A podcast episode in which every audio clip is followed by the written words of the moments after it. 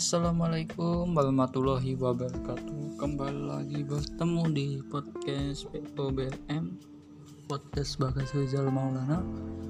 Di episode podcast kali ini saya mau membahas Podcast kini bisa didengarkan di halaman pencarian Google. Nah ini berita sudah lama tapi saya mau ngebahasnya hari ini ya.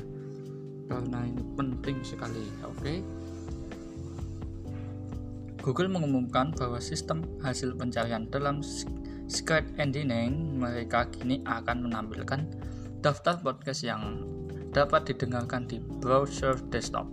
Hal tersebut diumumkan Google dalam acara Google I.O. 2019.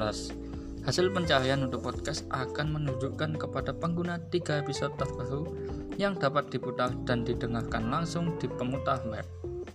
Google dengan mengakses situs podcast.google.com. Pembaruan ini akan berfungsi di seluruh desktop dan seluler. Pemutar di web atau web player memiliki serangkaian kontrol pemutaran yang serupa aplikasi Google Podcast, khusus yang diluncurkan di Android pada tahun lalu.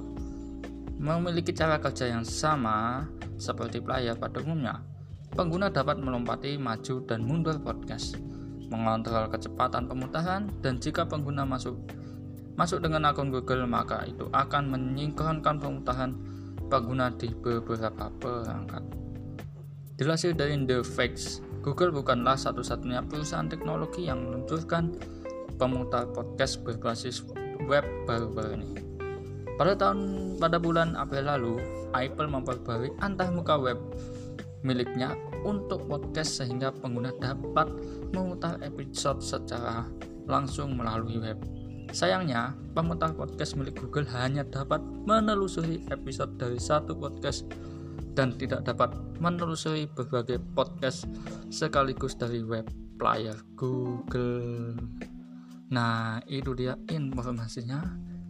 Ternyata begitu ya. Ya, semoga bisa memberi manfaat buat pendengar semua dan selamat menjalankan aktivitas bersama-sama dan selalu menjaga kesehatan ya teman-teman. Selamat hari Senin.